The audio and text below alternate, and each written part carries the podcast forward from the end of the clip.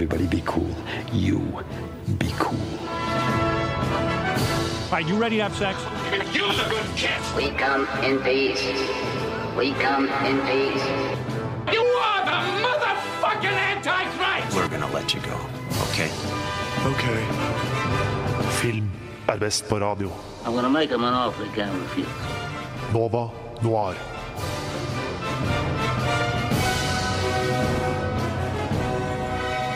Hallo og velkommen til ditt favorittprogram her på Radio Nova. Det er tid for Nova Noir. Klokka er ti. Vi skal kose oss masse utover dagen. Og det blir et morsomt tema. Det blir så mye som filmer som tror de er smartere enn de egentlig er. Uh. Og med meg her i dag så har jeg faktisk et av våre nye medlemmer, Eirik. Hei, hei. Velkommen. Det er første sendinga di. Ja, takk for det. Er ikke det gøy? Det er, det er veldig gøy. Jeg gleder meg veldig. Ja. Og det er et uh, veldig spennende tema i dag. Jeg tror, jeg tror det blir skikkelig gøy. Ja, Ja, Herregud, Vi har valgt sykt mye bra filmer. Jeg tror det kommer til å bli kjempe, kjempegøy. Jeg tror det kommer til å bli litt mye krangling. Det, det, det er godt mulig. For å være helt ærlig. Jeg tror det kommer til å bli litt diskusjoner og litt opphetet stemning stemning i studio her. Absolutt. absolutt. Eh, Vi er jo egentlig tre på sending. Eh, Vår kjære kollega Aleksander kommer etter hvert. Det kommer til å gå helt fint.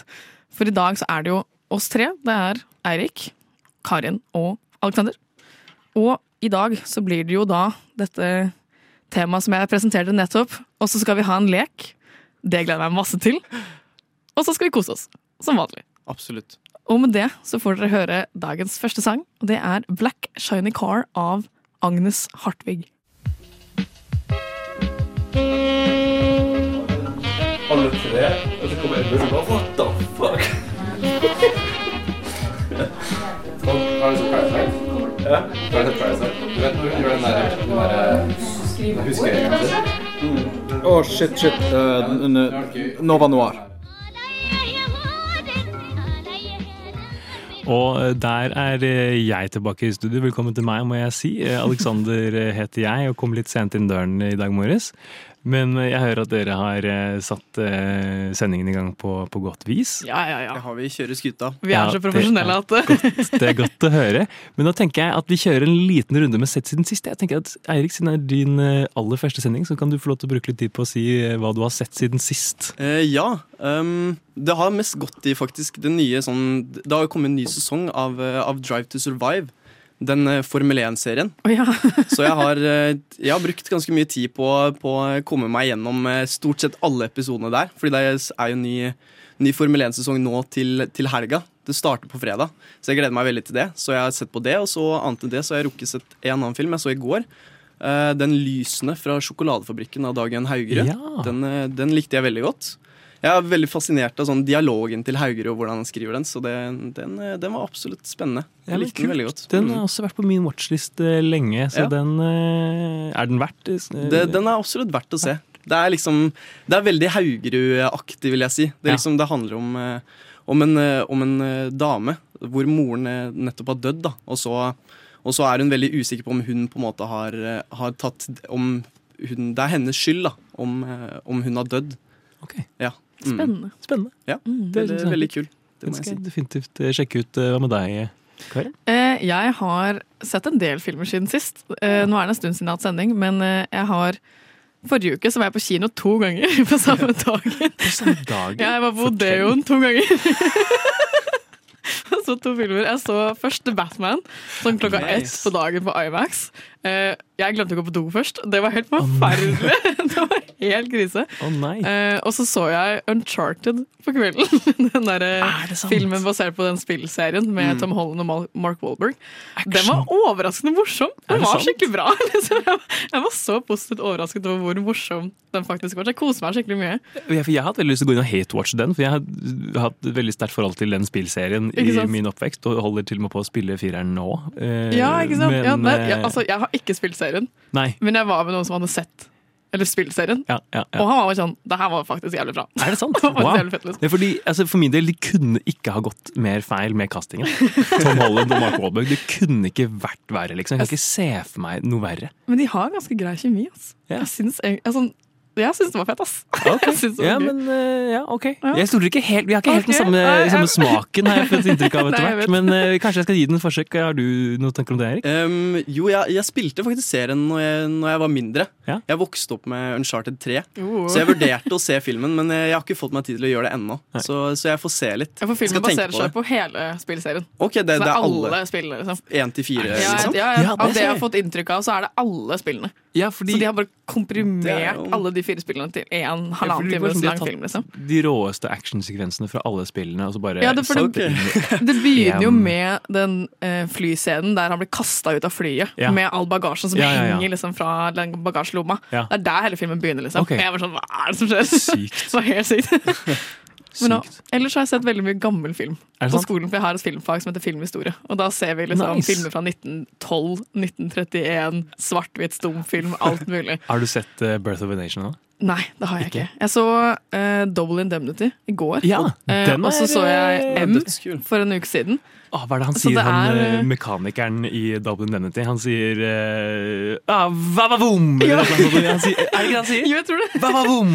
Altså, jeg så den uten tekst. Jeg satt liksom og det på skjermen. Og bare sånn, Hva er det de sier? For de snakker jo så mumlete Ja. og så gammel, gammeldags. Ja, og så blir jeg ja. sånn, jeg skjønner ingenting. Ja, ja, Men den var jævlig spennende. Ja, men den er faktisk overraskende kul. Ja, så det er det jeg har sett siden sist. Kult. Eh, sett siden sist, Hva har jeg sett siden sist? Vi har jo, eh, Ine jeg har jo sett masse filmer på, på um, Human. Eh, International ja, Documentary Film Festival. Eh, den siste filmen vi så der, var den eh, Kim Kanonarm. Det var overraskende morsomt. Kim altså. Kanonarm. Kim Kanonarm. som er en, en dansk dokumentarfilm som handler om em, arkadespillere. Altså folk som spiller arkadespill fra sånn 80-tallet. Så det er en, en mann i 50-årene, tror jeg. Han, de sier helt i starten at han har barn og barnebarn. Eh, men eh, Ikke at han noensinne møter noen kone, eller noe som helst. Men han har da satt seg for at han skal slå verdensrekorden i det å sitte lengst foran et arkadespill 100 timer i strekk. Nei, nei, nei, Og han kan kun ta pause i 15 minutter av gangen. Det, ja, det er helt sykt. Men samler han på det? Har han det hjemme sjøl? Sånn, Ja. Har han kjøpt den maskinen? Ja! Han har sin egen arkade. Han er sin egen arkadespiller. Men han er så utrolig fascinerende karakter. Sier nesten ingenting. Bare sånn som mumler sånn Sitter og gamer. lyder og sitter og gamer. Har liksom en sånn utrolig fascinerende gjeng da, rundt seg som bare heier på han. Han er helten deres. Han er Kim Kanonarm! Når han kommer inn i Bip Bip Bar der i København, som er en sånn arkadespillbar, Bip Bip Bar, alle bare sånn Kim! Legenden. Eh, han er på ekte en legende, men utrolig fascinerende og veldig morsomt laget. Så hvis man i det hele tatt er nysgjerrig på arkadespill eller eh, bare rare dansker eh, Og autisme er et stort tema gjennom denne filmen. Veldig fascinerende. Veldig fin film, altså. Det kan jeg virkelig anbefale. Ja, det Jeg vet ikke om den kommer til å være tilgjengelig for bredere distribusjon, eh, men det håper jeg. Ja, det, håper det fortjener den. Nei, men jeg, jeg ble skikkelig solgt inn. Ja, jeg er også sånn, det her vil jeg se, altså. Ja. Wow. ja jeg syns det var en helt, eh, helt rå film. Ja. Likte det veldig godt. Så kult. Eh, Men eh, da tenker jeg vi skal gå videre og snakke litt om hva vi skal snakke om i dag. Nemlig filmer som tror de er smartere enn det de er. Men før det så skal vi høre EG med sangen 'Contraband'.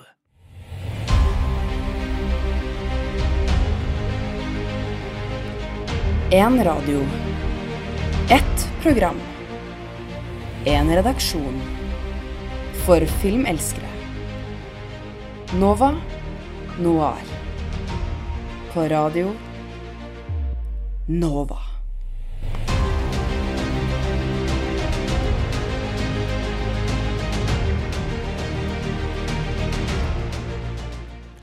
All right, og nå skal vi inn i et lite stikk som vi, heter, eh, som vi kaller for 'introdusere tema'. Hvor vi skal snakke litt om nettopp det vi skal snakke om i kveld. I dag. I kveld. Filmer som tror de er smartere enn det de er. Um, fordi Har vi å gjøre med en slags sjanger? Har vi noen liksom sjangerbetegnelser? Hva, hva tenker vi umiddelbart når vi tenker filmer som tror de er smartere enn det de er, eh, Karin? Altså, Vi dro dere litt på det nå nettopp, men jeg føler at det er uh, filmer som legger opp til en sånn syk twist. Og så kommer twisten, så er det sånn OK. og så sitter, du der ferdig, og så sitter du igjen og bare er sånn ja vel. Skulle det her liksom være jævlig fett? Og så er det bare sånn litt sånn overfladisk på en måte. Hvis du skjønner hva jeg mener. Ja, Ja. Ja, for det er noe som alle de filmene vi har eh, eller skal snakke om i dag, eh, har til felles. At det er, det er twists. Altså, plottet går liksom åh, Man tror det skal den veien, og så tar det en sving, og så går det den veien istedenfor, og så ender det opp med å sitte, som sitter der, men Ok. hva ok? Ja. Hva tenker du, Erik? Nei, jeg, tenker litt det samme. Det er, liksom, det er de plot-twistene som, eh, som går igjen, da. Ja. Uh, Ja. eh, Og så kanskje litt sånn bare jeg vet ikke om man kan kalle det intellektuell prat engang, men prat som du egentlig ikke forstår noen ting av. Som, Ja. ja, som du føler at du liksom må tenke veldig godt gjennom. Ok, hva mener de her? Og Ja. så føler jeg egentlig kanskje at de egentlig ikke har tenkt så nøye gjennom hva de vil få ut av det. da Det er bare ting som ikke gir mening. Ja, det er alltid sånn uh, dobbeltbetydning på alt de sier. Ja, ja. Og så skal det alltid være et tema om liksom det psykologiske med hjernen og Ja. dypt mentalt bilde av et eller annet. Og så, det er metaforer ja, alltid sånn allegorier for et eller annet, Ja, og ja, ja. metaforer. Og så, alt er, skal liksom være som, jeg føler jeg ser en sånn dårlig teaterforestilling. Og så er det Hvis du sånn- skjønner hva jeg mener sånn, For teater er også veldig sånn dobbeltbetydning i alle replikkene. Ja. Men i sånne filmer som tror de er smartere enn de egentlig er, så er det bare sånn OK. Og det er sånn, sånn et innbegrep for at en film eh, kanskje er smartere enn det den egentlig eller tror den er smartere enn det de er. Eh, hvis masse sitater fra den De som dukker opp i sånne yearbook, sånne yearbook quotes og sånn. Åh, ja. Er sånn, ja, ja eh, eh, Som de sier i eh, Fight Club, eh, the condom is the glass slipper of our generation. Nå skal jeg si noe kontroversielt. Det er take the gun. Mm. Nei, take the cannolis, leave the gun. Det En, altså- Lead Gun Take Technologies? Ja, Ja. ja, ja. ja, ja, ja, det er faktisk Klassiker. klassiker. Skal vi på slåss? Jeg tror det, jeg tror det blir slåssing her i dag. Altså, altså, jeg tror jeg er ganske uenig. er klar. Jeg så så godt i natt. Jeg har drukket kaffe før jeg kom. Jeg Kommer med sitter med knyttnevene hevet. Jeg Vi har en uh. Mike Tyson her i hjørnet som skal face off mot, uh, mot noen eh, kanskje litt spinklere menn. Uh, men veldig, veldig smarte ideer. Vi får se om vi kanskje kan, kan få overbevist noen der ute. Fordi jeg er ikke så helt overbevist om at alle disse filmene vi har eh, satt for oss å snakke om i dag, er så eh, innbilske som det vi kanskje legger, eh, legger til se. grunn at de er. Vi får se. Vi har noen overraskelser også. Vi skal snakke om fire filmer i dag. Vi skal snakke om Fight Club og Tenet. Og I'm Thinking of Ending Things. Og The Handmaiden. Em, og uh, ja Jeg tror egentlig bare vi skal sette i gang, ja, før vi driver og uh, Slåss. slåss her om, om uh, Ja, la oss egentlig bare begynne slåssingen, da. Og gå rett inn i Fight Club. Du Du Du hø hører På på Radio Nova. All right. Vi er inne i vår første film, Fight Club. Kultfilmen fra 1999, regissert av David Fincher med Brad Pitt, Edward Norton og Helena Bonham Carter i hovedrollene. Vi møter altså en eh, unavngitt eh, narrator, spilt av eh, Edward Norton, som går gjennom sitt liksom, daglige liv med sin kjedelige kontorjobb og A4-leilighet, hvor han innreder med Ikea ditt og Ikea datt. Og egentlig han, han beskriver det som altså self-serving liv, hvor alt bare kommer i sånn enkelt altså enkeltpakker med, med, med alt fra liksom tannpasta til eh, venner til nytelse til eh, interiør og personlighet. Han søker etter noe nytt, og møter i denne søken Tyler Durden, en eh, såpeselger og eh, hobbyfilosof, eh, som han hvert starter en fight club med. Hvor de da rekrutterer folk fra, de an, fra andre liksom lavtlønnede Ikke nødvendigvis lavtlønnede, men liksom kjedelige og sjeleødeleggende filmer eller jobber i det moderne samfunn. I want you to hit me as hard as you can. Why? How much can you know about yourself? You've never been in a fight. Wait, let me start earlier. Like many of you, I was stuck. You want me to deprioritize my current reports until you advise of a status upgrade? Make these your primary action items. I couldn't sleep. No, you can't die from insomnia. I'd flip through catalogs and wonder what kind of dining set defines me as a person. This is your life, and it's ending one minute at a time. I prayed for a different life. Soap. I make and I sell soap. And this is how I met Tyler Durden. Come on, hit me before I lose my nerve. Ok, dette her er jo en film med legendestatus. Det er det jo ingen vits i å benekte. Men eh, skal vi kjapt ta en liten runde med hva deres forhold til filmen er? Hvis du vil begynne, Erik? Eh, Jeg så den faktisk for, for første gang i, i sommer. eh, I, I fjor sommer, faktisk. Så det, det, jeg, jeg hang litt etter der. Og så så jeg den igjen nå, da. Så, så jeg har ikke noe spesielt forhold til den sånn sett, annet enn at jeg kan røpe og si at jeg, jeg liker den ganske godt. Og at jeg likte den enda bedre når jeg så den igjen nå, faktisk. Mm. Har du, vi, kommer til å spoile både denne filmen og alle filmene vi snakker om i dag, bare så det er sagt, men eh, var du forberedt på twisten på slutten? Eh, nei, det var jeg faktisk Nei, det var ikke ikke. Jeg, jeg, eller, jeg begynte å skjønne det litt etter hvert. Da. Ja, ja, ja. Kanskje sånn mer når, eh, når, når liksom Tyler begynner å, å snakke foran mens han står nede i kjelleren der. Når Mm. han driver og prater med hun, eh, hun Marla Singer. Mm. Da begynte det liksom å skurre noe for meg. Men når jeg så den andre gangen, så, så liksom ser jeg da at det er liksom hint på hint på hint hele tiden. Ja. Og da liksom begynner jeg å tenke sånn at det er veldig rart at jeg, at jeg ikke skjønte det første gangen. da mm. Og at det er rart at jeg har gått alle, igjen, alle disse årene uten å, uten å liksom bli spoila noen ting. Mm. Det, er, det er litt Det er nesten litt imponerende. Ja, Mm. det er det. imponerende. det takk. Hva med deg, Karin? Eh, Jeg tror jeg så den første gangen jeg var sånn 15. Mm, 15-16. bra alder. Ja, det, og jeg var helt sånn "Ah, What, what is this? Sykeste jeg har sett. Og jeg tror jeg så den på overnatting med en venninne, og vi var helt sånn Herregud, hva er det vi har satt på? liksom Ikke sånn negativt, men sånn Vi var helt sånn sjokka. Og bare sånn, Mm. Hæ, men var det faktisk Var det bare han hele tiden? Uh, og så tror jeg jeg så den for et, to år siden. To år siden. Og da Mm. var jeg sånn Herregud, sånn som Erik sa med Mm. Hvordan har jeg ikke sett Hvordan så jeg ikke disse tegnene første gang jeg så den? Og da var jeg litt sånn OK, nå begynner jeg å bli litt lei av den. så så så på nytt til i dag, og da var jeg sånn Nei, OK, den er ikke så smart, liksom. Den er smart første gangen, og så blir den bare dummere og dummere jo flere ganger du ser den. liksom. Ja. ja, ja, ja, jeg ser den. Altså, den, Jeg så den første gang da jeg var ja, 16-17, tror Ja. jeg også. Um, jeg skulle faktisk se den i forbindelse med fordi jeg har jo da sendt det til det der Spilte Edward Nortons karakter i en sånn, en sånn videregående medielinjeproduksjon. Det Grusom eh, Jeg bare elsker sånn innlevelsen deres, for den er sånn halvveis sånn Å nei. Jeg Vet du hvem jeg egentlig er? Liksom. Ja, Det første slaget, når du Ja. slår ham første gangen. Ja, Nå skal vi ikke snakke Det om den gangen jeg spilte Edvin Nortons karakter, nå skal vi snakke om den faktiske filmen. Ehm, men eh, jeg så den, og det var liksom en periode hvor jeg leste liksom mye Bjørneboe og var liksom interessert i liksom, å, samfunnet og personlighet og hva, hva, hva skjer med mannsrollen. Og det er jo ting som man er litt interessert i da, på videregående når man er 16-17 år gammel, så den traff meg ganske hardt. Eh, så den igjen nå. Syns Altså, det er et eller annet den tar på kornet. Det kan man ikke ta fra den. Um, den er utvilsomt utrolig stilig. Ja, ja, det er altså, jeg den ser jo utrolig kul ut. Selv om noen av disse, disse animasjonene ikke holder seg så godt sånn detaljmessig eh, i dag, så er det bare noe med, liksom, det er noe med pacingen og energien og bare Også bare sånn den følelsen av at eh, den etterlater i hvert fall jeg men, men, men man, Jeg i hvert fall får det liksom inn på meg faen, kanskje, kanskje jeg burde egentlig gjøre noe med livet. Kanskje jeg burde bryte ut av denne tralten her. I hvert fall ikke havne på sånn kjedelig kontorsted eh, som det Ebbe Nortens eh, karakter eh, gjør. Men eh, du har en kommentar, Karin? Ja, jeg, jeg er helt enig med deg at den er jævlig stilig. Ja. Så den er jo helt sykt kul og bra liksom, klippet og filmet, og lyssettingen er jo helt sinnssyk.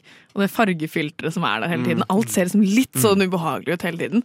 Ja. Og da, det, det går jeg jo aldri lei av. Det er jo, det er jo dritkult. Mm. Det er bare storyen. Det, det innholdet. Er det, men er det, er det storyen, eller er det liksom det filosofiske grunnlaget som ligger her? Er du Nei, det enig i liker jeg veldig godt, faktisk. Ja, Ja. at Det er som et kritikk på konsumersamfunnet som vi Mm. lever i, og Mm. den uh, giftige mannsrollen som kommer som følge av det. Ja. Det er jeg jo helt med på. Det er jo dritfett. Jeg bare Jeg vet ikke. Det Nei, det er et eller annet som skurrer for deg. Ja. Men da må jeg stille deg et ganske konkret spørsmål. fordi denne filmen her har jo blitt anklaget for mye rart. Blant annet liksom det at den eh, potensielt forherliger denne volden som de er ute i. Denne på en måte måten å øh, finne tilbake eh, maskuliniteten. Tyler Durden sier på et tidspunkt at hvis han skulle slåss med noen som helst historisk person, så skulle det vært Hemingway. Som er innbegrepet på liksom en maskulin ja, mannemann. fordi vi skal liksom tilbake til det primale Ja, det er det. mannlige. Er det ikke det Jo. som er som hele poenget? Men hvordan, hvordan, hvordan oppfatter du det? Er det satire, eller er det forherligelse?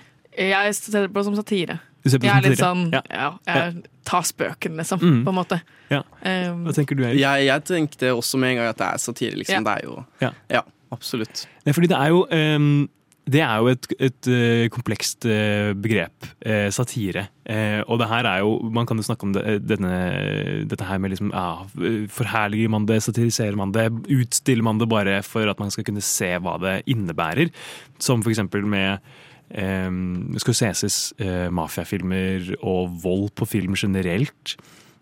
Altså, denne filmen tar jo ganske mye på kornet, og såpass, til en såpass stor grad at folk faktisk ble inspirert av denne filmen til å gå ut og starte sine egne fight clubs.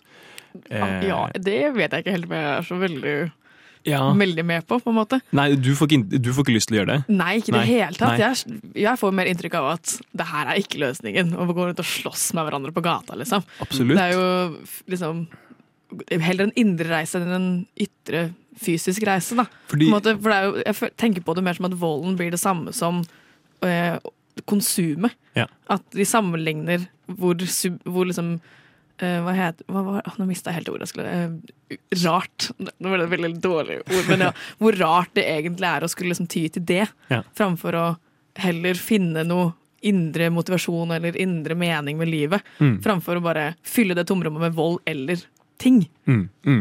Ja, for det er jo det, Hvis man skal liksom oppsummere det veldig kjapt eh, Mye av filosofien i den filmen går ut på eh, at Det kan jo ikke oppsummeres i noen, noen sitater fra Tyler Durden. At de er liksom en middle generation of history som ikke har deres egen eh, krig eller finanskrise å identifisere seg ut av. De har bare liksom blitt vokst opp på TV.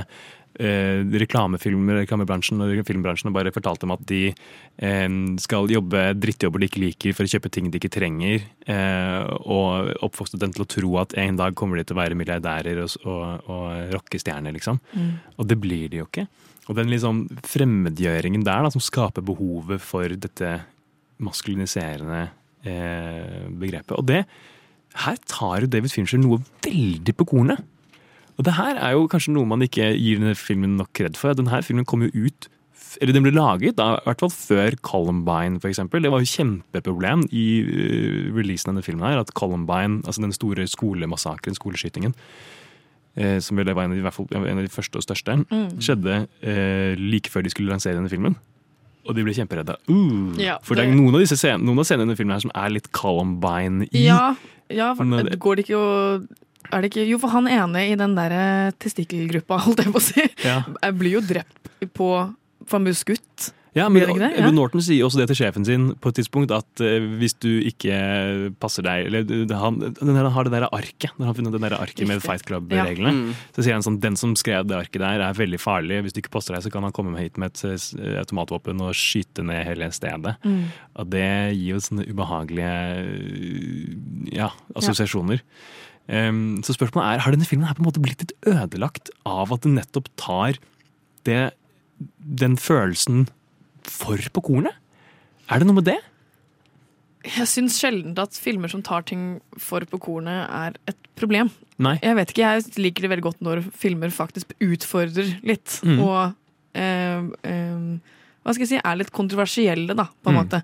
Det går jo selvfølgelig en, en grense der til at det bare blir sånn jeg får litt avsmak, men eh, akkurat Fight Club føler jeg som klarer å gå som akkurat på linja hele tiden. Ja. Og jeg tror Jeg vet ikke, den har jo Når kom den ut? I 99? 99. Ja, den er jo 22 år gammel, Ja. men den er jo fortsatt kjemperelevant relevant. for samfunnet vårt nå. Ja, men definitivt. Så det gjør det jo til en veldig bra sånn på kornet-film. At den klarer, den lever opp til standarden på samfunnet 22 år etterpå, liksom. Men er den smart, da?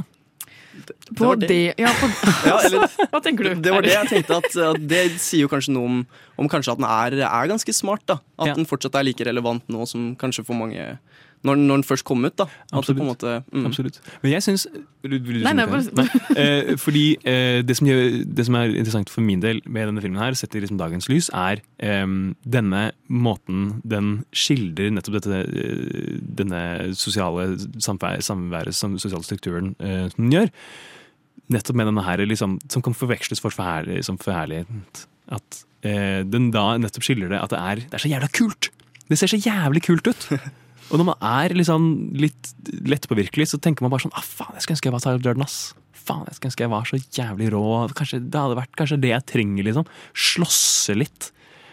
Um, Men tenker ikke dere at det blir litt sånn toxic masculinity jo, med det? men det- definitivt. definitivt. Men, Altså, men er, Jeg får litt inntrykk av at den reklamerer sånn ja, sånn, ja, litt sånn toxic masculinity til tider. At den er sånn, Nå skal du være tøff og kul og fet og se på meg, jeg har en jævlig fet dress og bankfolk på fritiden. Ja. liksom. For det er jo liksom musikkvideoestetikk. Ja. Det er litt som om den prøver å selge oss et eller annet. Og det er, den strider jo nettopp med det derre Kap- konsumergreiene. antikapitalisme-konsumergreiene.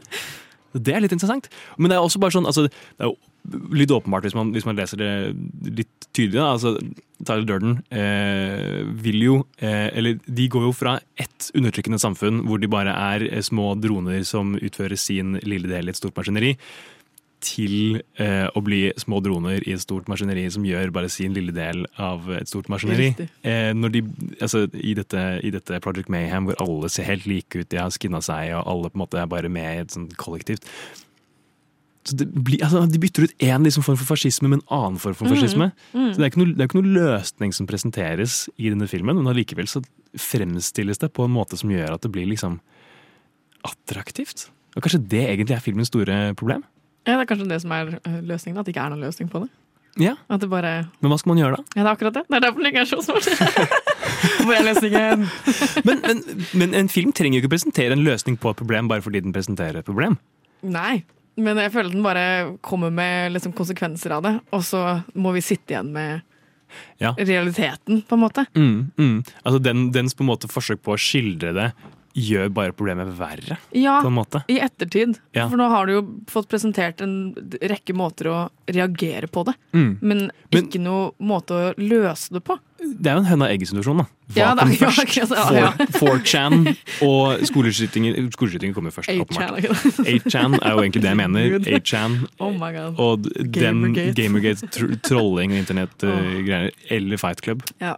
ville Ville verden sett annerledes hvis, ikke han hadde- hvis vi ikke hadde hatt Fight Club? Det vet jeg vel si. Det er vanskelig å si, ass. Mm. Men det kan vi kanskje tenke litt eh, over mens vi hører «Hold Holde rytmen av Flammer Danceband. My mama always said, Nova Noir was like a box of chocolates. You never know what you're gonna get.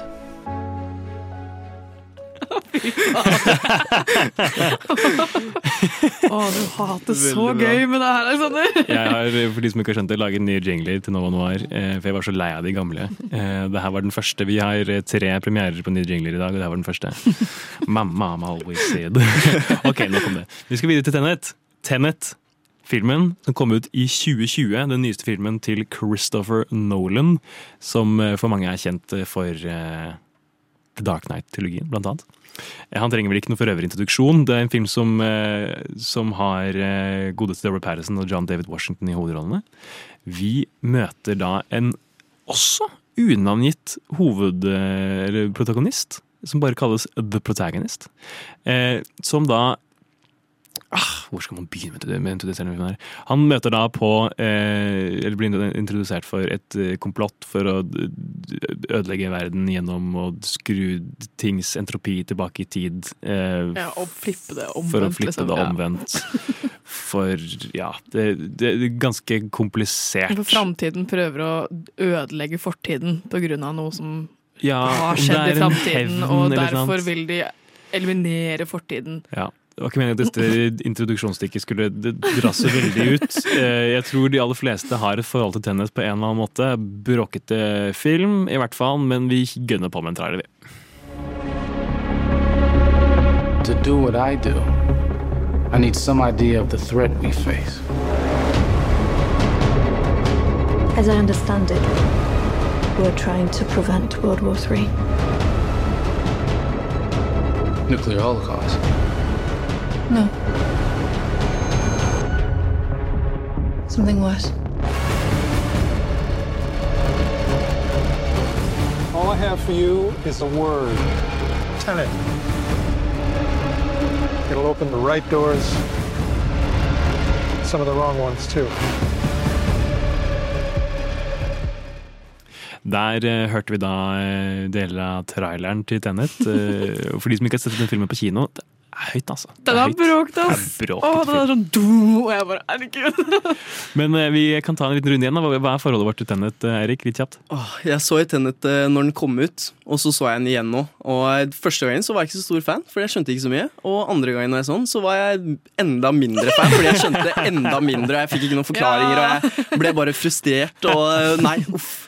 Så, så ikke, jeg kan ikke si at, at den står meg veldig nært, altså. Det, Nei. det gjør den ikke. Karin? Og Jeg har akkurat samme tilfelle som deg. Jeg så den på kino når den kom ut. Og jeg var litt sånn OK.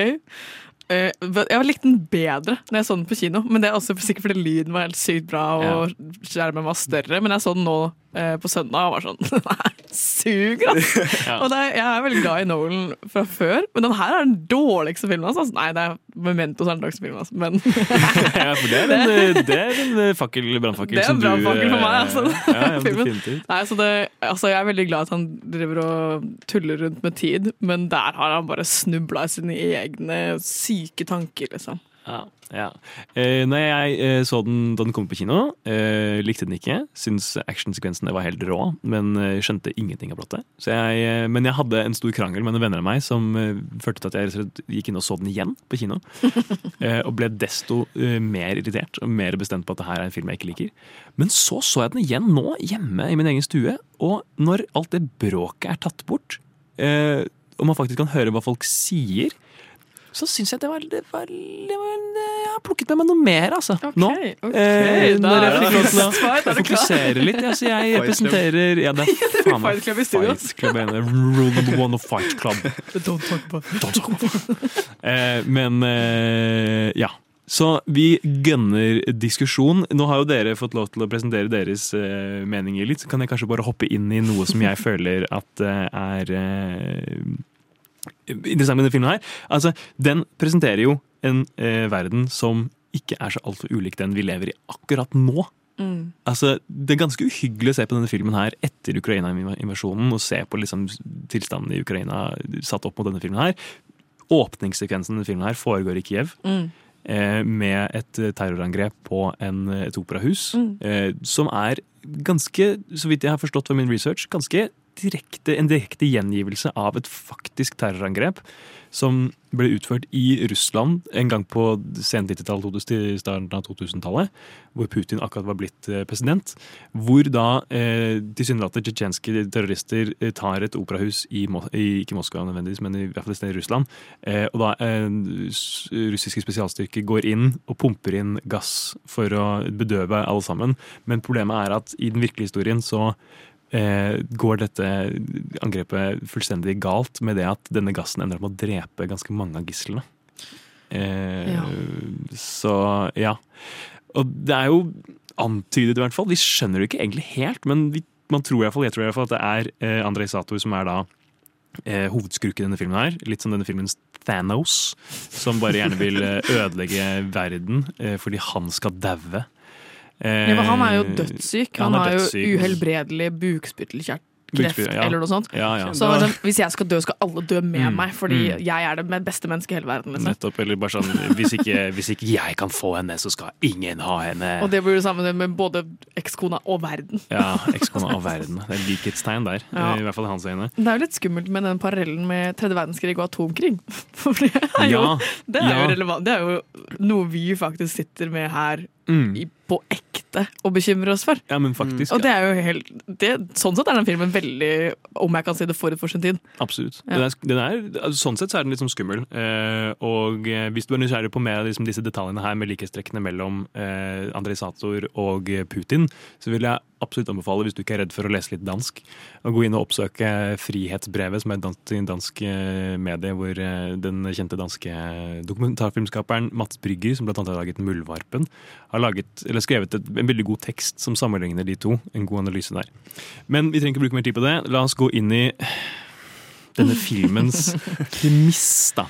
Dette tidsaspektet, for det er jo det som på en måte er eh, sentralt her, er jo at eh, André Sato er, kommuniserer med framtiden gjennom eh, objekter hvis entropi er skrudd baklengs. Ja, de er inverted, som Ja. de sier. Jeg vet ikke om vi skal gå noe altså, sånn, Tiden beveger seg jo for oss framover, men man har gjort et eller annet med disse tingene som gjør at de går bakover i tid. da.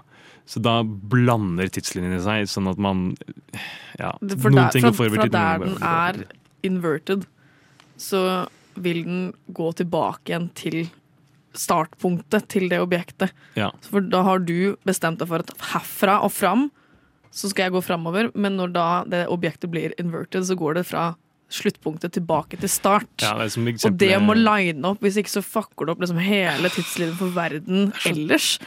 Og det er jo altså sånn Det er litt liksom sånn eh, Hva skal jeg si eh, kvantemekanikk og sånn.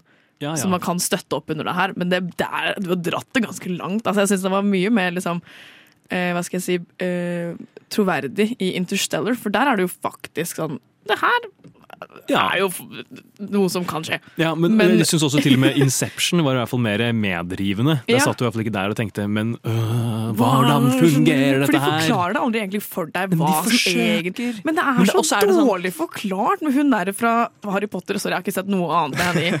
Hun, hun professoren. Ja, hun i starten her? Ja, hun prøver jo liksom å forklare det Men for så oss. sier hun Men bare så er det sånn, 'don't bother'. Ja, og så er det sånn du tar, du tar imot kula, men du Ja. skyter den ikke.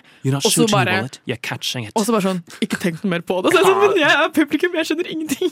Og så Stakkars Robert Pattersons rolle som bare får i oppgave å liksom skulle prøve å forklare dette her, hvordan det fungerer, og det bare Det, det, det blir bare forvirrende. Altså. Kaotisk. Nei, jeg, jeg vet ikke. Robert Pattersons rolle også. Bare plutselig så, så dukker han opp. Jeg skjønner ikke Mm. helt hvor, hvor han kommer fra. Nei. Og så føler jeg bare hele filmen så De, de prøver liksom å finne ut av noe, men, men så Jeg vet ikke, jeg, jeg henger bare ikke med. Jeg skjønner ingenting av hva det neste steget er, og plutselig Nei. så aner de ikke hva de skal gjøre. Nei. Og så vet de bare plutselig OK, da. Vi må, vi må stoppe han fra å ta den pillen, og vi må få han fyren til the backdrop, som jeg ikke aner hva er for noe, Nei. fordi sånn da fikser vi verden, og jeg skjønner ingenting. Altså, de prater så mye også. Det er så mye, det er så mye dialog. Ja. Og så mye sånn fundering på ting. Og sånn, ah, men hva med det her, og hva med det her? Så det er sånn, De bare går rundt i sånne episke lokasjoner og ha én lang samtale. Så de har samme samtalen i Mumbai, i Oslo, i eh, Hvor er de igjen? Ja? De, de er jo overalt. Mm, ja, ja. Og har én sammenhengende samtale. Men de har bare på flytta på seg litt sånn her og litt der. Ja. Så, og det irriterer meg når filmer gjør det. Bare, Ja. sånn, bare for å flekse de Ja, ja, forskjellige lokasjonene de er på. Men de har bare én samtale. Så de er på Operaen og Tjuvholmen, men de har bare én samtale. Men de har også reist til India i mellomtiden og hatt Mm. samme samtale. Men har man mye penger, så må man jo liksom Det her tenkte jeg spesielt på i starten. Det går for fort. Pacingen er så jævlig kjapp. Det er bare sånn, plutselig så bare sånn det, dun, liksom. dun, dun, dun, Og det man får liksom ikke tid til å liksom venne seg til konseptet eller noe som helst. Og så bare! Nei, vi har hatt mange, eller jeg har hatt mange diskusjoner eh, med andre eh, på Novo Noir om dette her. Det er mange som eh, liker den filmen veldig godt. Eh, så jeg tipper at du kommer til å få litt, eh, litt kritikk etter hvert. blir. Fight Club på møtet Ja, det etterpå. blir Fight Club på møtet etterpå. Altså. Men eh, jeg skulle gjerne sitte der og snakket i evigheter jeg, om Tennet. Men apropos Oslo, her hører vi Scale Tipper med bandet Oslo. Nova Noir! Nova Noir.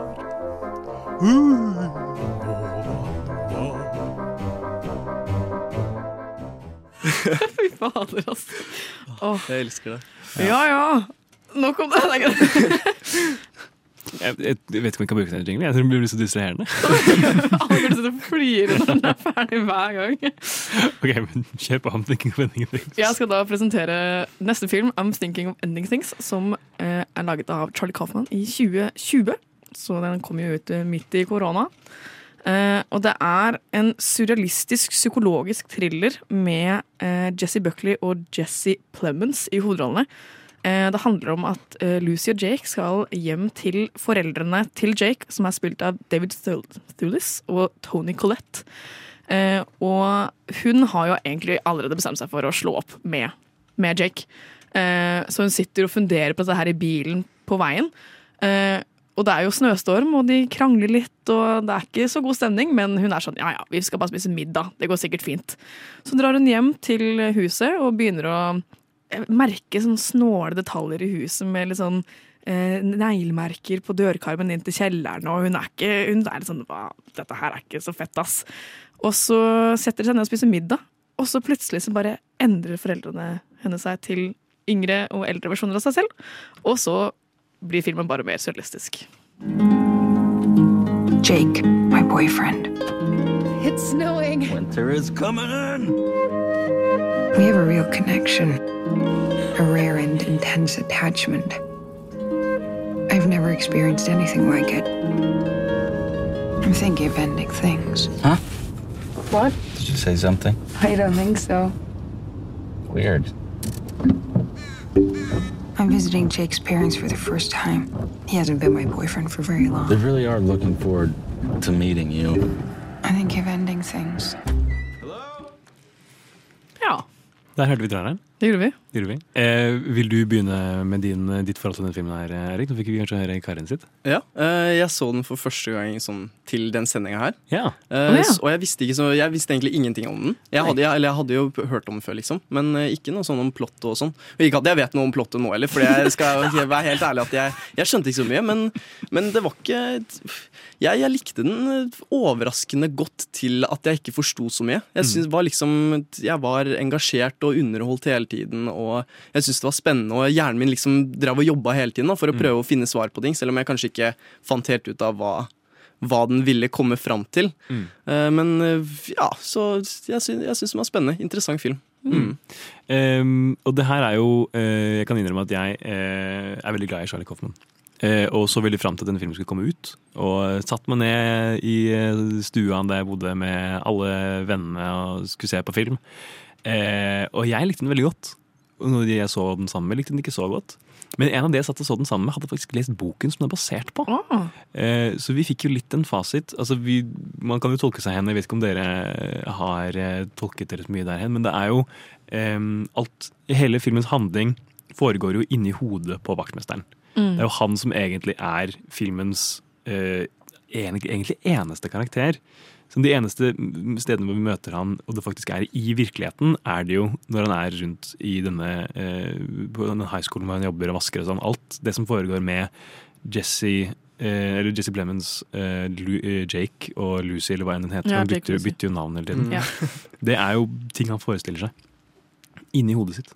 Ja, det jeg satt jo og snakket om det her under låt nå. Altså, hvordan, hva handler egentlig filmen om? Hvordan skal jeg presentere den filmen her? Ja. Den, altså, for det var et problem jeg hadde når jeg også så den. Ja. At jeg ikke skjønte en dritt av hva som skjedde. Mm. Og de endrer jo navn, og de endrer utseende og alder og Ja. uh, forhold til hverandre. Plutselig så blir jo foreldrene til Jake hans barn, og så Mm. blir jo han bestefar, og så blir jo også i tillegg til denne parallelle historien med han vaktmesteren, som også blir liksom en gris, og så eh, er det sånn danseforestilling eller hva på den eh, videregående, og så kommer Jake plutselig og skal holde en tale der, og så er jeg sånn og så den iskremsjappa midt ute i ingen sted. Jeg ble helt sånn Hæ? Og jeg satt igjen og var sånn Den her var dårlig, var det første jeg tenkte da jeg Ja. så den. Og jeg så den Ja. også med en kompis, og vi var sånn vi forventa jo veldig For jeg var så veldig glad i, i Kaufmann, Mm. og forventa egentlig ganske store ting. Og så ble jeg litt skuffa, ass. Ja. Jeg, tror ikke jeg bare Jeg hang ikke helt med. Jeg skjønner det. og Det er jo en film som krever på en måte litt sånn um, Det krever at man, at man leser den på en viss måte for at man faktisk skal kunne nyte den. Mm. Det er jo litt det samme som med kanskje de filmene vi har sett tidligere. Tenet, en ting vi ikke snakket om er jo at mange ser på den som liksom en slags spoof på en spionfilm. Det er i hvert fall den take jeg har hørt som er sånn jævlig teit. Okay. Men nok om det. Uh, det er jo nettopp det med den filmen her at uh, hvis man det er en slags liksom, detektivgreie. Man, man blir liksom kastet inn i et univers, og man skjønner ikke helt hva som foregår. Og man er liksom nødt til å liksom jobbe litt da, for å liksom Man kan ikke ta alt at face value. Mm. Det skjønner man ganske kjapt, fordi ting blir jo ganske absurde. Det er ganske mange ting som skjer som ikke gir så veldig mye mening. Så der hvor du kan liksom ta Fight Club at face value i starten der, og liksom ikke tenke på at de er samme person, så er det liksom her så blir det ganske tydelig at det er ganske mange ting som skurrer helt fra starten av. Um, og jeg skjønner at det kan være veldig frustrerende hvis man ikke Nå husker ikke jeg nøyaktig hvordan det forløp seg, om jeg liksom skjønte alt da jeg så den, eller om jeg liksom har blandet i minnet litt med da jeg fikk den beskrevet. Men jeg, jeg husker i hvert fall veldig godt at jeg satte veldig pris på den. Også bare fordi det er en vakker film, på en måte. Den er ja. absurd og surrealistisk. Jeg liker det veldig godt. Jeg liker veldig godt filmer som kaster deg nettopp det som jeg sa da, kaster deg inn i et inn i en verden hvor du ikke forstår hva som skjer, og du må på en måte prøve å plukke ting sammen. Du er liksom en detektiv inne i filmens univers. Du må liksom bare Hva er det som foregår her? Og det hele prøve å pusle ting sammen. Ja, det som er problemet mitt med den, er jo bare at du får jo ingen tegn, ingen hint, nada. Du, liksom, det jo, jeg syns også det er gøy å liksom Å, hva skjer? Og prøve å pusle det sammen. Men jeg vil gjerne ha litt hjelp også. Ja. Og den her er helt nådeløs på det. Ja. Den bare Den er sånn Her er filmen. Lykke til. Å, jeg er helt Og- enig, jeg. Men jeg syns det er så slitsomt. Ja. Men man må, det er ikke en film du kan bare sette deg ned og slappe av og se på. Nei, nei, du, du blir jo helt Du blir sliten av Ja. å se den. Ja, ja, ja. Men det er det, det er det jeg liker veldig godt med Kaufman. Da, han på en måte han utfordrer deg. Vi snakket jo også om hvorvidt vi skulle se Synectic New York til denne Mm. sendingen. Det er også en film jeg er veldig glad i, kan jeg avsløre. Nettopp fordi den også da tar eh, Den tar Det er ikke en film som holder deg i hånden. Det er liksom en film hvor du selv skal sette deg ned og plukke ting sammen. Og hver gang du ser den om igjen, så gir det deg nesten noe nytt. Fordi du, du jobber fortsatt med den. Det, er fortsatt, altså det er så mange lag, opplever jeg. da. Mm. Folk kan oppleve den som, øh, altså, som overfladisk, eller hva som hva enn, men jeg opplever i hvert fall at nå som jeg har sett den igjen, det er jo behagelig. Den er kjempeenkel. Den, den holder deg ikke i hånda, den dytter deg under vannoverflaten og drukner deg. Ja. det, Men den, ja, fordi eh, Grunnen til at jeg valgte å ha denne uhu-jinglen før eh, denne diskusjonen, er at eh, det er jo en slags eksistensiell horrorfilm. Eksistensiell, grøsser. Du snakket om det som en psykologisk grøsser. Jeg tenker mer på det som en sånn eksistensiell grøsser. Mm. For den takler temaet som ensomhet og eh, frykt for aldring. Altså Når man kommer inn i familien til eh, Jake sin, eh, sitt hus og liksom møter på denne grisen som blir spist opp av larver. Mm. Grusomt bilde. Levende gris. Levende Til og med. Ja. Mhm. Og, og takling av Alzheimer og alderdom og sånne ting. Bare sånn ubehaget som skapes i denne filmen her. Veldig fascinerende. Og jeg Mm. opplever liksom ikke at det er så veldig mange som gjør det. De takler grøsser på den samme måten som det han gjør. Og Anomalisa også. Det er en film jeg har sett en gang, og kommer aldri til å se den igjen. Det er en helt fantastisk film, men fy faen, det gjør vondt å se på den. liksom. Mm. Den er utrolig effektiv i liksom, den grøssesegmentet som den prøver å treffe. da. Mm.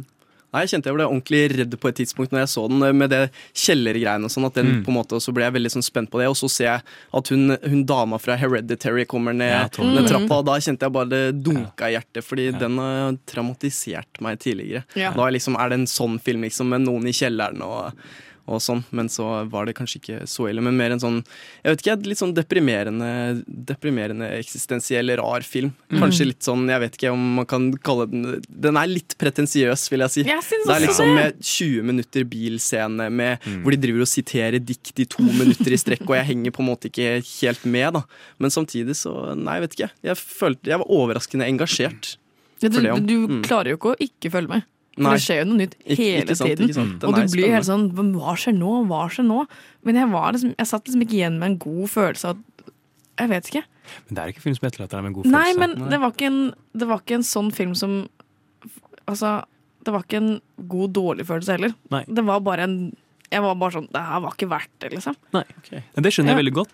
Um, man definitivt er enig at den kan liksom, oppfattes som pretensiøs. Det er mange ting i den som liksom er liksom åh, Hvorfor i alle dager skal de sitte her og sitere dikt til hverandre? Og hva er denne monologen som den går ut i plutselig, hvor hun snakker om denne, denne filmen uh, A Woman Under the Influence og sånne ting.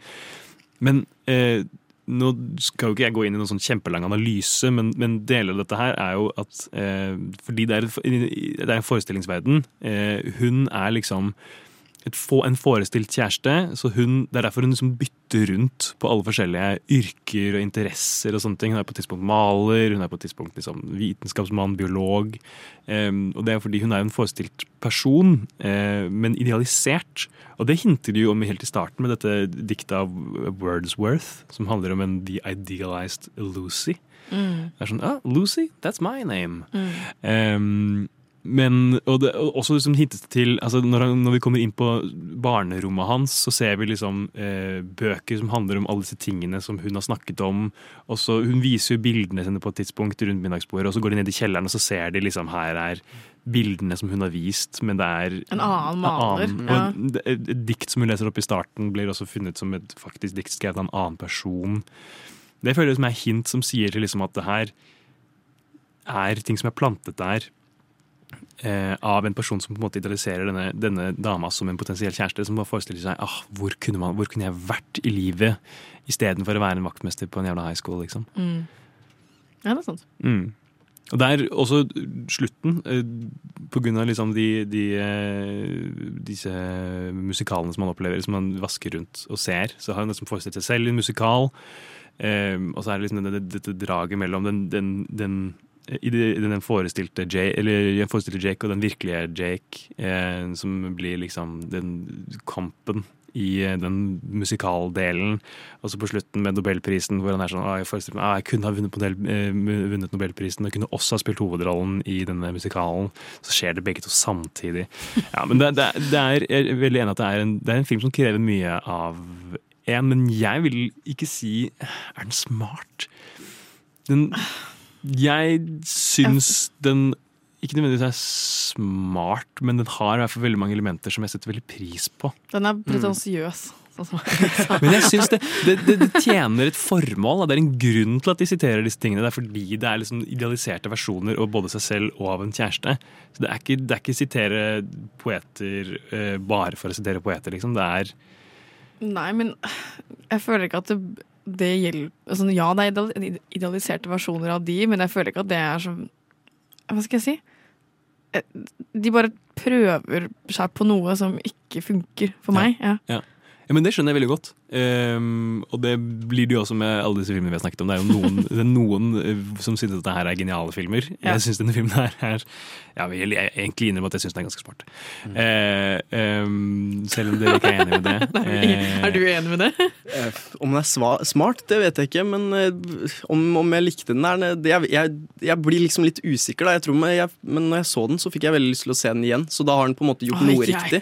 Og jeg var sånn, da Um, her vil jeg ikke se igjen. Så jeg tenker at jeg kan på en måte ikke svare på det før jeg har sett den en gang til, for jeg følte ikke jeg forsto så mye, men jeg håper at neste gang jeg ser den, at jeg forstår mer. Mm. Mm. Men da håper jeg at jeg har inspirert deg til å se den en gang til, Eirik. Og kanskje Ja, ja. dere der hjemme også kan eh, se denne filmen her med litt sånn tanker eh, i bakhodet. Men eh, jeg tror kanskje vi skal gå videre. Jeg hører litt Goofy Geese med Flor Amarella para você.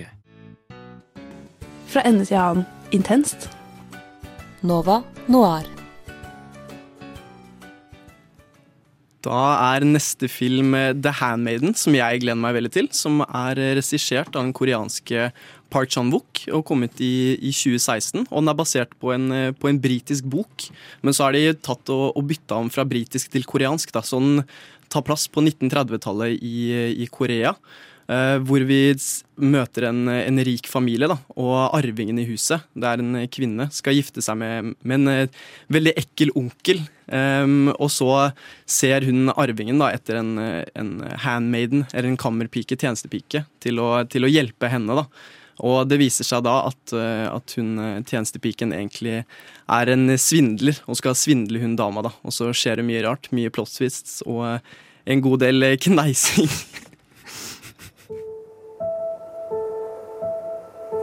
고 이모부는 말 그대로 후견일 뿐 재산은 이대고 거야. 생쥐 같은 우리 수키가 낮이면 옆에 바짝 붙어 앉아서 나를 사랑하게끔 살살 꼬여주기만 한다면 백작이 도착했다.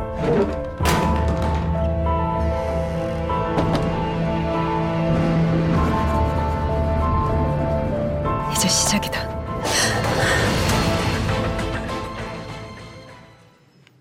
Uh, Traileren er jo koreansk, så det er litt vanskelig for dere å kanskje henge med. Men eh, vi så veldig vakre bilder fra 1930-talls Korea, både inne og ute, og at det på en måte bygges opp en spenning da, mellom de forskjellige karakterene.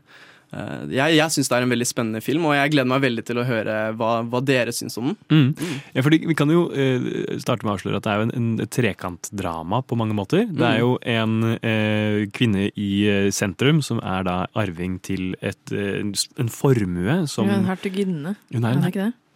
Er det ikke han som er en hertug, eller later som han er en hertug? Men hun Men hun er jo en hertuginne. Ja, kanskje hun er det. Jeg tror det. Jeg husker ikke. Men hun er i hvert fall eh, datter av en dame som har dødd da hun skulle ja, ok, jeg er ikke så viktig med det. Men hun er i hvert fall arving til masse penger, eh, og hennes onkel vil gjerne slå kloa i disse pengene fordi han eh, er veldig opptatt av eh, antikke bøker. Eh, og det er da en annen mann eh, som også er en svindler, som også gjerne vil ha kloa i denne formuen. Som er han som da hyrer inn denne svindlerkammerpiken eh, for å hjelpe han da med å få denne kvinnen til å gifte seg med han. Og så skal de dra til eh, Japan, eh, og, og der skal de eh, eh, få innlagt en dama på et sinnssykehus. Eh, og så skal de to, altså da svindler han kammerpiken og svindlermannen, eh, stikke av med, med formuen. Ja.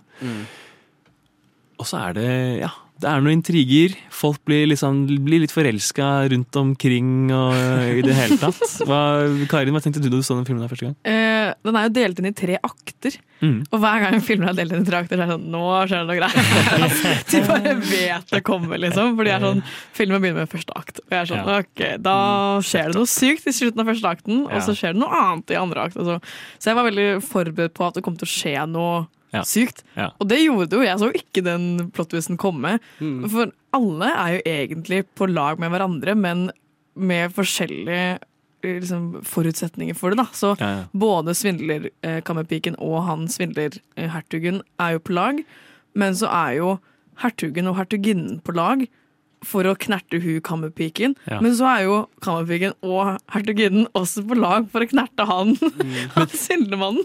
Så alle er jo liksom litt på lag med hverandre, men med forskjellige liksom, avtaler og liksom Mm, Det var vel i utgangspunktet den ene avtalen da, i Ja. akt to, med at det er, eh, er selve hun hertuginne, eller hva man skal kalle det, og Mm. han, han svindleren. da, At de skal Mm. svindle hun, hun tjenestepika og prøve å få henne inn på, inn på galehus. Ja, Men så blir jo de uh, Tjenestepika og hun hertuginnen blir jo forelska i hverandre. Og da på en måte skal jo de lure han tilbake, da. Så Ja. det som jeg syns er veldig kult med filmen, er at på en måte er delt opp, og så på en måte ser du hele greia. Når akt to kommer, så ser du hele greia fra en helt ny synsvinkel. Ja, ja, det er at det er veldig kult at alt liksom gir mening, men fra en, og man ser det ikke komme, og det er liksom fra en helt ny synsvinkel. Og så i akt tre så er det jaggu meg enda Ja. en, liksom. Ja. Det liksom bare baller på seg. Husker jeg tenkte på det. Jeg var sånn Shit, det her er jo For da skjønner man jo hvorfor de responderte på den måten de gjorde, og hvorfor de Mm. Mm. satte seg der de gjorde. Og, Ja, ja, ja. eh, Så når de skal opp i skogen og male,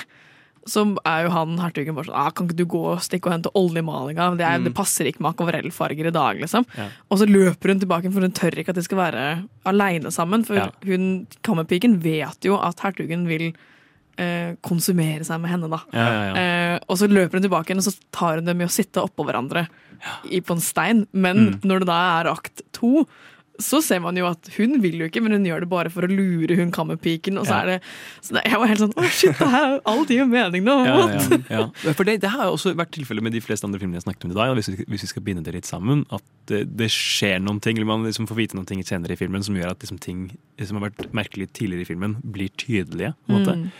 Jeg tror det er en interessant film å se uh, andre gangen, men tror, er, tror vi det er en li, like interessant film? Det- Eller er det plottvistene som bærer filmen? Det er, det er det jeg kanskje vil si, fordi første gangen jeg så den, så var jeg sånn Ok, det her er en soleklar ti av ti for meg. Jeg syns Ja. den var dødsbra. Jeg hadde aldri sett en film liksom, hvor jeg hadde blitt så Liksom bare sånn Wow, det her er kult, liksom, når de plottvistene kom. Og så Mm. så jeg den andre gangen og visste jo alt som skulle skje. Mm. Og da var det på en måte Den, den var fortsatt veldig bra, men det var kanskje den, jeg, Første opplevelse var absolutt en, en bedre opplevelse, selv om jeg likte den godt fra før av.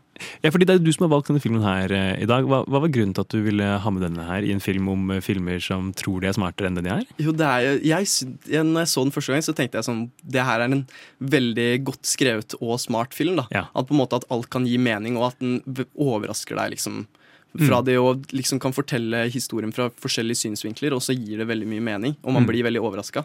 Det jeg syns er en svakhet med den filmen, er at du kan ikke se den på nytt. Nei. Du kan bare se den én gang. Ja. For den forklarer jo, sånn som de tidligere filmene jeg snakket om, ikke gjør.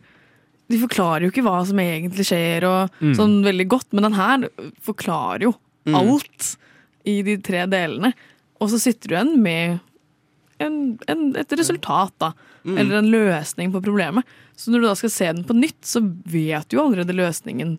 Ikke Mens sant? med de tidligere filmene jeg har snakket om, så er det jo ikke noe ordentlig slutt. Det er ikke noe sånn og så levde du lykkelig av det. Ja, dager. det er ikke noe sånt, liksom. Ikke i det liksom. hele tatt. Mens nei, nei, nei. i den her så er det jo faktisk en lykkelig slutt med at de to damene stikker av sammen. Det er jo det.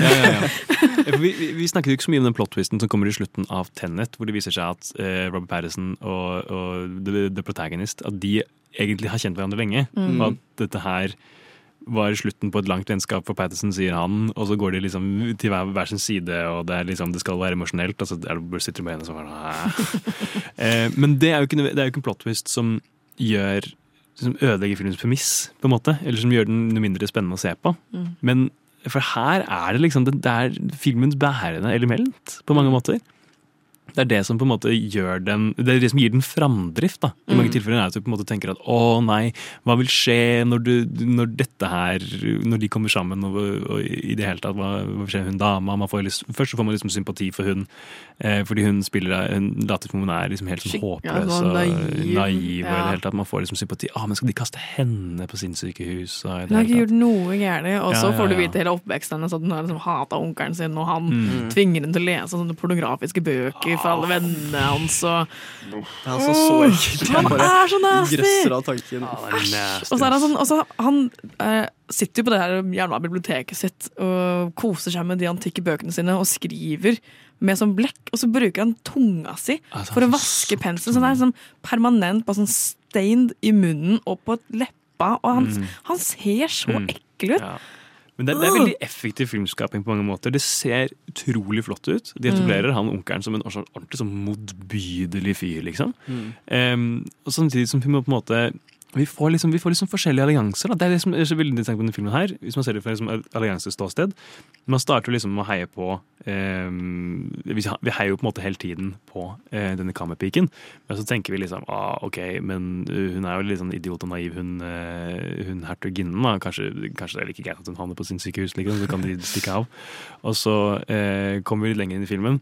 Og så finner vi ut at hun har hatt en helt jævlig oppvekst, og bla, bla, bla. Får vi liksom veldig allianse med, med, med de to.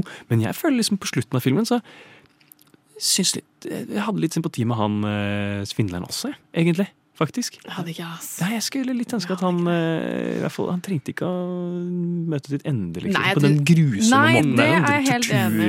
På slutten her. Altså, det er ganske nasty. Du hører som om man slicer av en og en finger i den der bokskjæringskniven sin. Det er sånn, jeg syns ikke han fortjente det, men han fortjente ingen en- ikke en eneste krone av den formuen til hun Nei. hertuginnen. Jeg syns han døde på en helt forferdelig grusom måte, og det var helt forferdelig. Men jeg hadde ikke noe mer sympati for han enn det.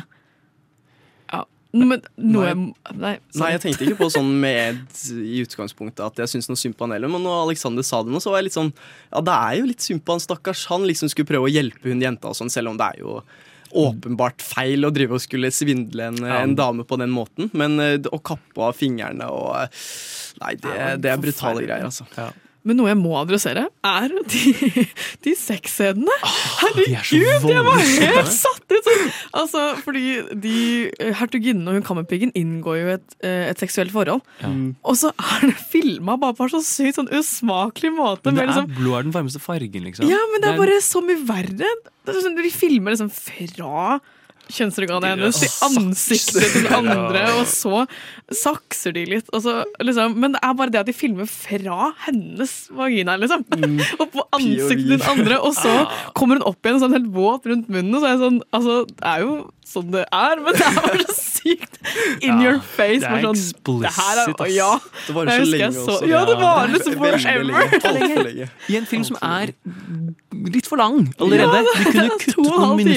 Ja, men de kunne Ja. kuttet noen minutter i sexscenen. Altså. Det hadde jeg ikke hatt med Og så er det flere av dem! Det er ganske mange av dem òg. Mm. Og, det sånn, og det blir liksom bare Det, bare, det topper seg liksom bare hver gang det kommer Ja. en sånn sexscene. Jeg var sånn, Og så prøver han der hertugen og bare sånn Ja, jeg har hørt at kvinner liker det litt sånn voldelig. Og jeg bare sånn Nå må dere slutte med det her! Jeg, jeg, jeg fikk nesten litt sånn Paul Verhoeven-vibe. At det liksom, han bruker eh, altså, altså, At sexen er så eksplisitt og så voldsom at Ja. det bare blir liksom Man får liksom avsky for den. Mhm. Men så følte jeg heller ikke at det, det førte noen sted hen for filmens narrativ. Det var ikke noe at det, at det hjalp denne filmen her på noen som helst måte, egentlig. Det gjør egentlig bare at jeg opplevde den som litt sånn dummere, på en Ja, måte. jeg syns det trakk litt ned. For det er sånn, ja. de er forelska hverandre, men altså, det, det hadde ingen hensikt. Det er så, mye, så Ja. mange av disse tingene som skjer i denne filmen som er så mye mer smakelig. Greit, det er ganske voldsomt med den torturscenen på slutten, men eh, man kunne unnet seg å ikke være så voldsom. altså. Ja. Men eh, kanskje vi har kommet fram til noe på det her med den, jeg vet ikke helt. Men eh, jeg håper vi har i hvert fall eh, vekket noe interesse for dere der hjemme. Nå ser jeg at vi er nødt til å gå videre, dessverre, selv om vi sikkert kunne snakke om The Handmaiden i lang tid til. Men eh, vi skal høre en låt. Det er If I See You av O Bland.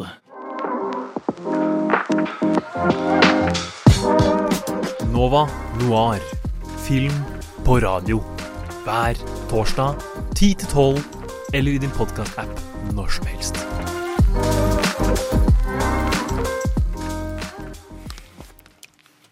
All right, nå har vi snakka om noe film!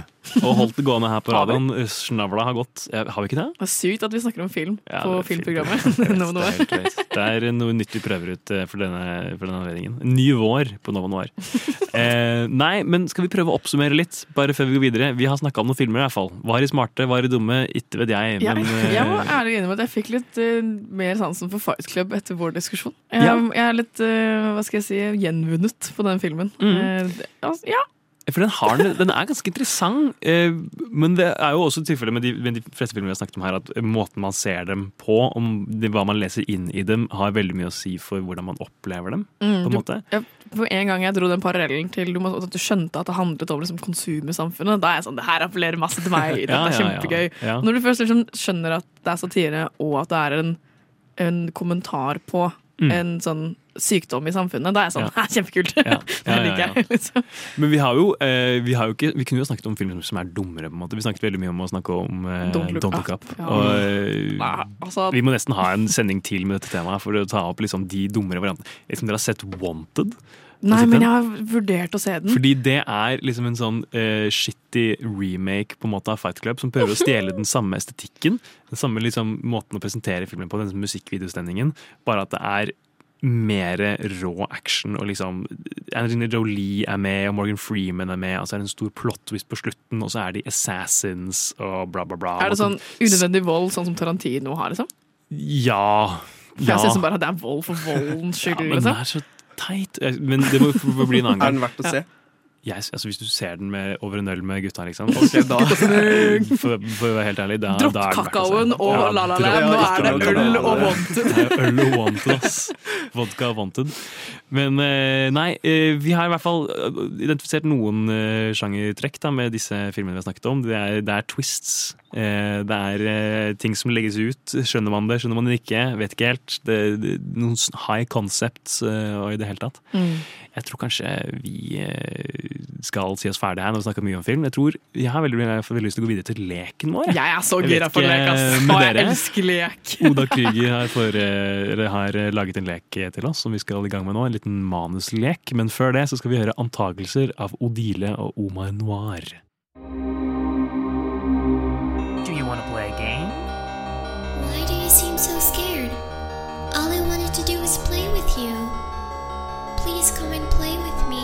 Let's play a game! Oh, jingle. Eh, ok, vi har fått en, eh, et dokument her fra vår venn og mednoirer Oda Krüger, hvor hun skriver Kos dere med manuslek monolog-edition søtinger.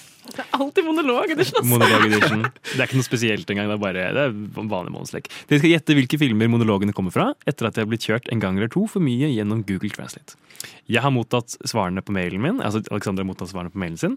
Som vanlig har jeg byttet ut eventuelle gjenkjennbare navn i manuset med mitt eget for litt ekstra flavor. Jeg har også byttet ut stedsnavn som kan avsløre filmen. Hun har også lagt til noen reginotater. Um, Oi! Hvem har lyst til å begynne? Jeg? Nei, vet du hva? Vet du hva? Det er Eirik sin første sending. Erik, du du begynner. Jeg leser okay. Du begynner, først. Denne må leses dramatisk og intenst, men ikke nødvendigvis høylytt. Du står ovenfor et moralsk dilemma, men har ikke den luksusen i livet som tilsier at du har et valg. Du prøver kanskje å overbevise deg selv mer enn noe av noen andre med, med denne monologen. Dette kan bli spennende. Jeg gleder meg Wow. så mye! Det er hele den, ja. Ok. Det er hele den. Og så bruker vi litt tid på å gjette hvilken eh, eller hvor, hvor monologen er fra etterpå. Ok, Er dere klare? Å, ja. Er klare. Yes. Beklager, men du vet ikke nok om livet til å si noe sånt, søster. Kanskje du kjenner reglene? Men det inkluderer ikke. Godta det du må akseptere, og jobbe med det. Vel, det må være en plass. Kanskje han gjør noe riktig? Vel, kanskje en av guttene er tatt? Det var derfor faren slo han. Ingen vin. Nå snakker jeg om barnets natur. Det er ikke noe han har gjort. Du kan ikke holde et barn ansvarlig for det Gud har gitt ham til å være. Men det er et barns natur. Glem det, da. Du vil at folk skal si ting. Kjæresten min kom til skolen fordi de ønsket å drepe ham på offentlig skole. Faren hans liker det ikke. Kom til skolen din. Barna liker det ikke. Oi. Åh, hva var det her? Oi. Jeg skjønte ingenting sjøl, skal jeg være helt ærlig. Nå kom jeg på at jeg har faktisk eh, akkurat Fordi eh, da jeg, jeg så mailen var kommet inn i min innboks, og da sto det liksom akkurat hvilken film det her var, så jeg må melde meg ut av å gjette. Ah, okay. Um, Herregud! Vi kan gjette, vi. Det har vært for mye barn og natur og noe ja, drepe på offentlig skole og mye baluba. Altså Det eneste jeg tenkte på, var Dead Poet Society. Ok. Men det er jo ikke jeg jeg den. ikke- jeg har ikke sett den. Nei, det er ikke den. Dead Poet Society. Har du sett den? Eh, ja, jeg har sett den. Jeg har sett den. Men det er jo ikke den. Jeg var bare sånn drept på offentlig skole. Så jeg var sånn, ja, det er Dead Poet Society. Men jeg vil anta at det er ganske kjente filmer. Ja, det må det vel være. Som filmer alle har sett. Ja, eh, jeg regner med det. Um, eller jeg har faktisk ikke sett den filmen. Skal vi gå rett på fasiten? Altså, jeg har, kanskje vi ikke sjans. Eller, eller kanskje vi må gå rett på fasiten. Doubt. Skrevet og regissert av John Patrick Sandley med Meryl Streep og Philip Seymour Hoffman i hovedrollene. Det er Viola Davis som leverer denne monologen til Meryl. Kriminelt underverdsatt film. Den ble nominert til flere Oscar da den kom ut i 2008, men har blitt glemt i ettertid. Anbefaler alle å se. Ok. Eh, da blir det i hvert fall eh, både for vår del og for dere som sitter der hjemme og blir litt eh, pirret av denne monologen her. Se. Doubt. Vil du eh, gå på som neste? Ja, ja, herregud. All right. Jeg er så gira for dette her, ass. Tusen takk. Du får lese reginotatene høyt. Ok, det står Dette må leses sakte og mørkt. Resten er åpen for tolkning og kunstnerisk frihet for skuespilleren. Ok, er dere klare? Veldig klar. 10. mai. Vi takker Gud for regnet som hjalp til med å vaske søppel og rusk fra fortauene. Jeg har jobbet lenge nå. 18.00 til 6.00. Noen ganger 8.00. Seks dager i uken, noen ganger syv dager i uken. Det er et langt rush, men det gir meg mye arbeid. Jeg kan ta 300, 350 i uken. Noen ganger mer når jeg gjør det fra måleren. Alle dyr kommer ut om natten. Ludder, skunks, horer, dronninger, feer, dopere og junkies. Bite, kom igjen! Regnet kommer, ekte regn, og vasker bort all den skitten fra gatene. Jeg går ut. Jeg tar folk til Bronx, Brooklyn, jeg tar dem til Harlem. Jeg bryr meg ikke. Det gjør ingen forskjell for meg. Det gjør noe. Noen tar ikke engang spøkelser. Det gjør ingen forskjell for meg.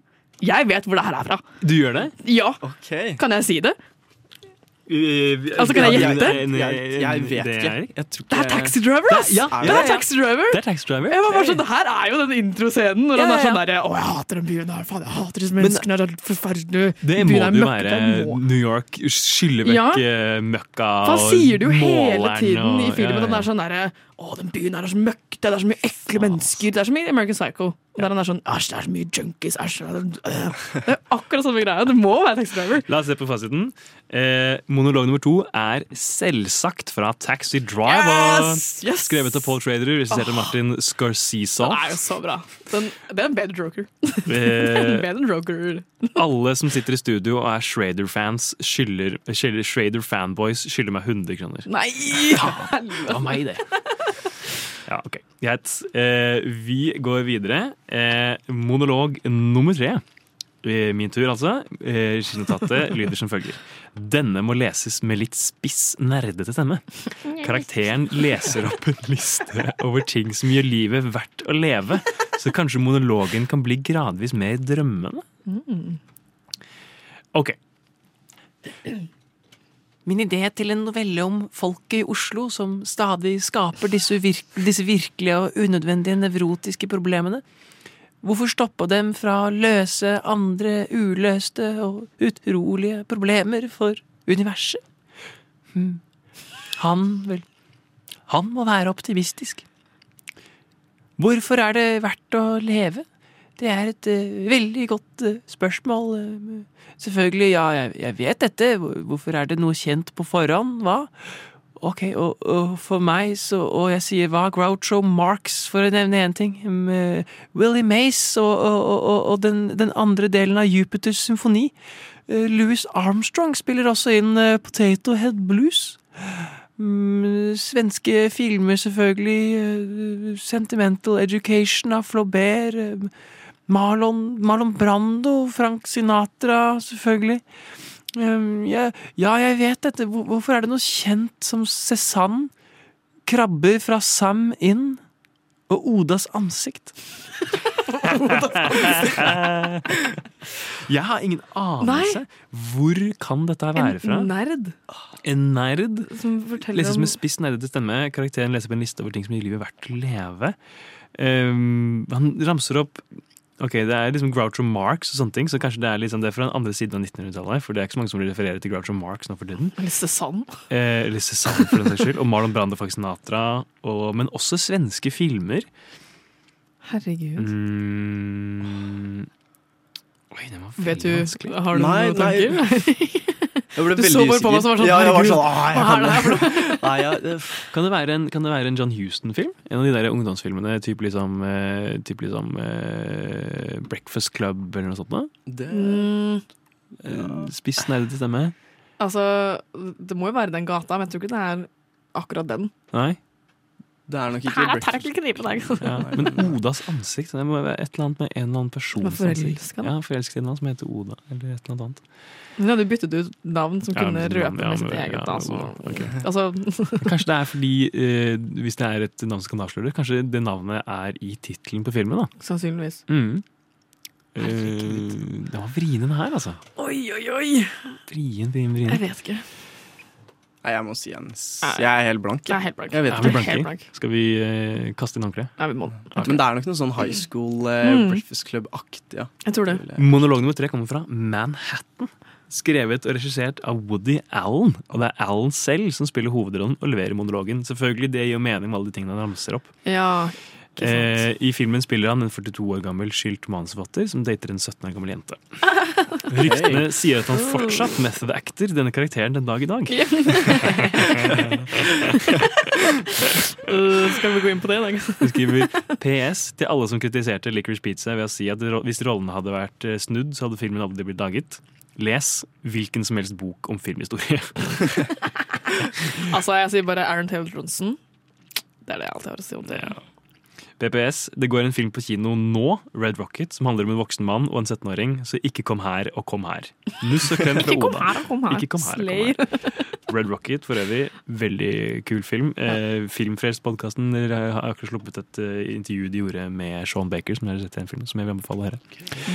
Um, jeg tror det var det for vår uh, lekerunde.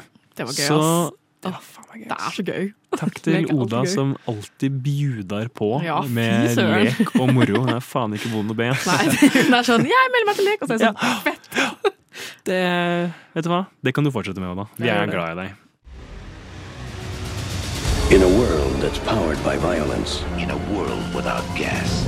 In a world where owning a radio was strictly forbidden.